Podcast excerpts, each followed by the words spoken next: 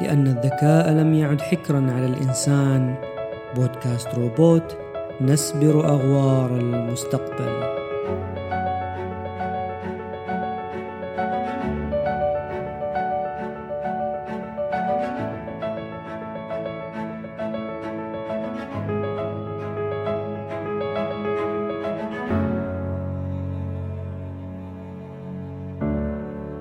عندما استخدمت شبكة الإنترنت لأول مرة في منتصف التسعينات من القرن الماضي، كانت مواقع الإنترنت حينها فقط للبحث عن المحتوى وقراءته. كان ذلك قبل وجود شبكات التواصل الاجتماعية أو حتى محرك بحث جوجل الأشهر حالياً. حيث أنه كان يهيمن على الإنترنت متصفح نتسكيب ومحرك البحث ألتافيستا. كنا كمستخدمي الإنترنت حينها نتلقى المحتوى فقط من الجهات الناشرة للمحتوى بينما كان مستوى تفاعلنا نحن المستخدمين ضئيلا جدا مع ذلك المحتوى. تلك كانت النسخة الأولى من الإنترنت أو ما يسمى ويب 1.0 ومع دخول الألفية الجديدة بدأت تتشكل ملامح النسخة الثانية من الإنترنت أو ما يسمى ويب 2.0 وهو ذلك الإنترنت التفاعلي والذي على غرار النسخة الأولى فإننا كمستخدمين بتنا نتقاسم صناعة المحتوى مع الناشرين ومواقع الإنترنت. بدا ذلك واضحا جدا في صعود وسائل التواصل الاجتماعية والتي يشكل فيها المحتوى الذي يقوم بصناعته مستخدمو الإنترنت اضعافا مضاعفة عما يصنعه الناشرون التقليديون. يمكن تبسيط فكرة النسخة الثانية على أنها نسخة للقراءة والكتابة وذلك على غرار النسخة الأولى والتي هي في غالبها للقراءة فقط. ولكن ولكني أعتقد بأن هذا التعريف على بساطته لكنه لا يعكس الصورة الكاملة لويب 2.0 لأن صناعة المحتوى من قبل الجمهور قد صنع نوعا من التأثير المجتمعي البارز. فعلى سبيل المثال فإن الإحصائيات تشير إلى أن 90% من العملاء يقرؤون التقييمات والتعليقات والمراجعات عبر الإنترنت قبل شراء منتج ما وذلك لثقتهم بالمحتوى الذي يصنعه المستخدمون الآخرون. بل أن بإمكان تلك المراجعات والتقييمات المساهمة في صناعة علامة تجارية أو انهيارها. النموذج الجديد لشبكة الإنترنت هو الشبكة الثالثة أو النموذج الثالث أو ويب 3.0 وهو النموذج الجديد في التفاعل مع شبكة الإنترنت وسيمثل تغييرا أساسيا في كيفية إنشاء المطورين لمواقع الإنترنت. من المحتمل أنك قد لاحظت انتشار مصطلح ويب 3.0 عبر الإنترنت. ببساطة هو المرحلة الجديدة لتطور الإنترنت. فقد جلب تغييرات ستأخذ الإنترنت إلى مستويات جديدة تماما يعتقد علماء الكمبيوتر وخبراء الإنترنت أن هذه التغييرات ستجعل الإنترنت أكثر ذكاء وستجعل حياتنا أكثر سهولة.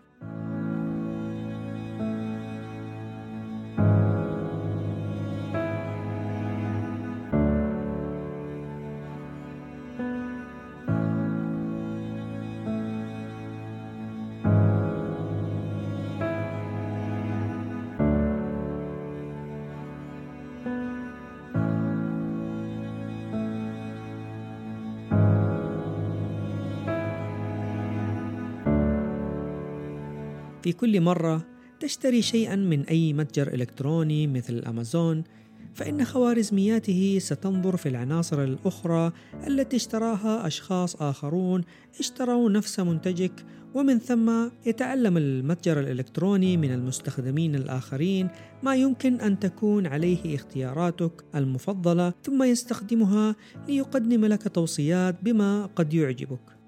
لقد انتقلنا هنا من الاقتصار على إنشاء المحتوى سواء من الناشر أو المستخدم إلى تعلم الآلة وجعل شبكة الإنترنت أو مواقع الويب أكثر ذكاءً. باختصار، هذه هي الفلسفة الكامنة وراء ويب 3.0. في البداية كان ويب 1.0 مبنيا بشكل أساسي على المحتوى الذي يأتي من قبل الناشرين أو المؤسسات لمستخدمي الإنترنت. أخذ ويب 2.0 الأمور إلى الأمام قليلا من خلال السماح للمستخدمين بتحميل ومشاركة المحتوى الخاص بهم على مواقع شبكات الإنترنت.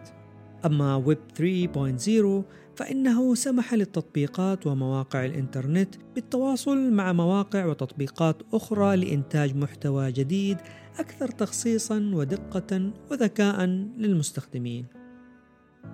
حتى نستطيع الحصول على الفهم الدقيق لشبكة ويب 3.0 فإن علينا معرفة الخصائص الأربعة للشبكة الثالثة وفهم الفروق بينهم. الخاصية الأولى هي الويب الدلالي أو Semantic Web. في الشبكة الأولى للإنترنت كانت مشاركة المعلومات تتم كصفحات ويب أو مستندات يمكن أن يفهمها البشر. علاوة على ذلك يمكن أن ترتبط هذه بصفحات ويب أو مستندات أخرى في أي مكان على شبكة الإنترنت. تقوم الخوادم وبرامج المتصفح بمعالجة أو عرض كل هذه المعلومات ولكنها لا تفهمها.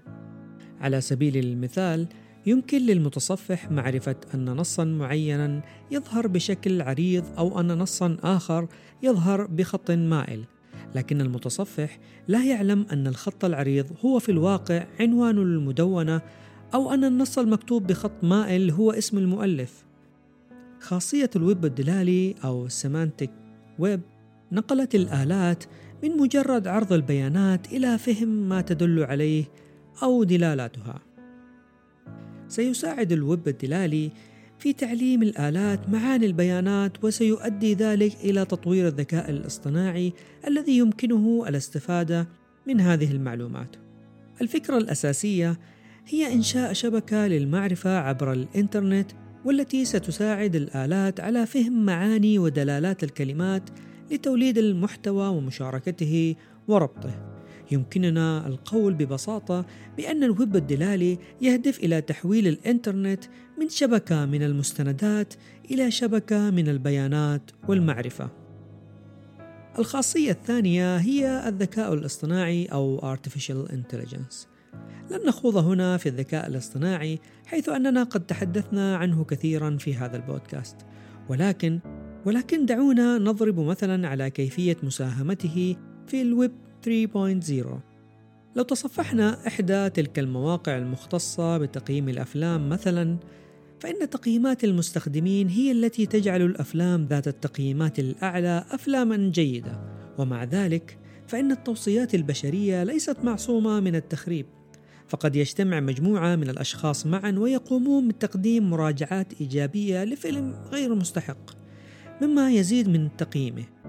سيساعدنا الذكاء الاصطناعي على الفصل الجيد عن السيء وذلك بتعلم سلوك وآراء الناس المختلفة وذلك من بحر البيانات اللانهائي على الإنترنت. الخاصية الثالثة هي الرسومات ثلاثية الأبعاد أو 3D Graphics.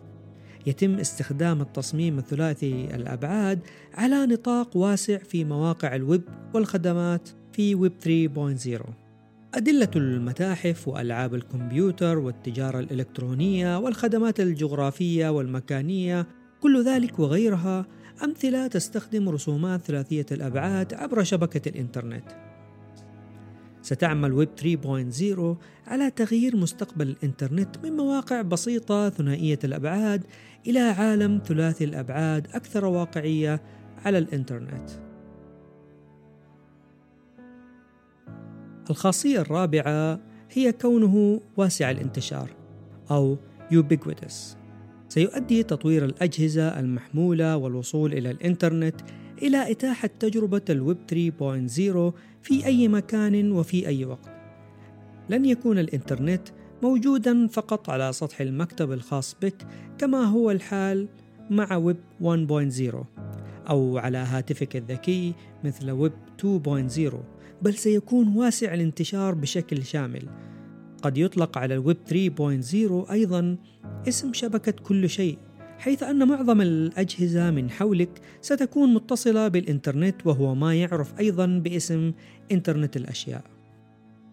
الويب 3.0 هو مستقبل الإنترنت حيث ستصبح التطبيقات أكثر ذكاء وخصوصية وأكثر لا مركزية وستتغير تجربة استخدام الإنترنت بشكل كبير كما أنه سيساهم في رفع فعالية وكفاءة البحث عبر الإنترنت ويحسن من التفاعل البشري مع الإنترنت.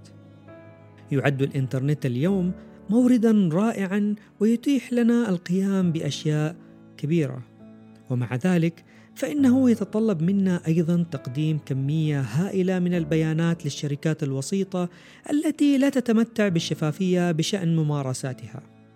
يسعى ويب 3.0 إلى تغيير ذلك وإنشاء إنترنت أكثر انفتاحا وشفافية. ولكن وكطبيعة أي شيء في الكون فإن هناك عيوب للويب 3.0 فلن تتمكن الأجهزة الأقل تقدما من التعامل مع الويب 3.0 كما أن المواقع المبنية على ويب 1.0 ستكون مهجورة من المستخدمين. بالإضافة إلى أن ويب 3.0 يتسم بالتعقيد خصوصا للأشخاص الجدد في هذا المجال.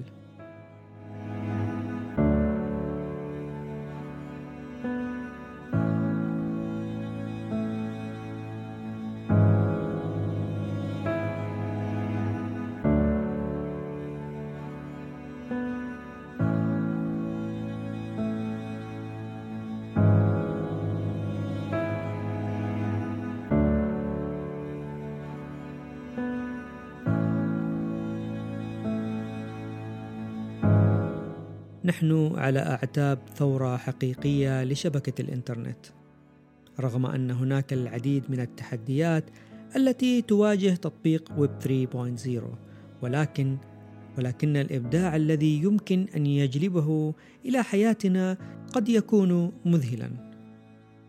رغم كل هذا الضجيج حول الشبكة الثالثة أعتقد أننا ما زلنا بحاجة إلى بعض الاستخدامات العملية لويب 3.0 وذلك لفهم القيمة المضافة الحقيقية التي سيضيفها إلى حياتنا.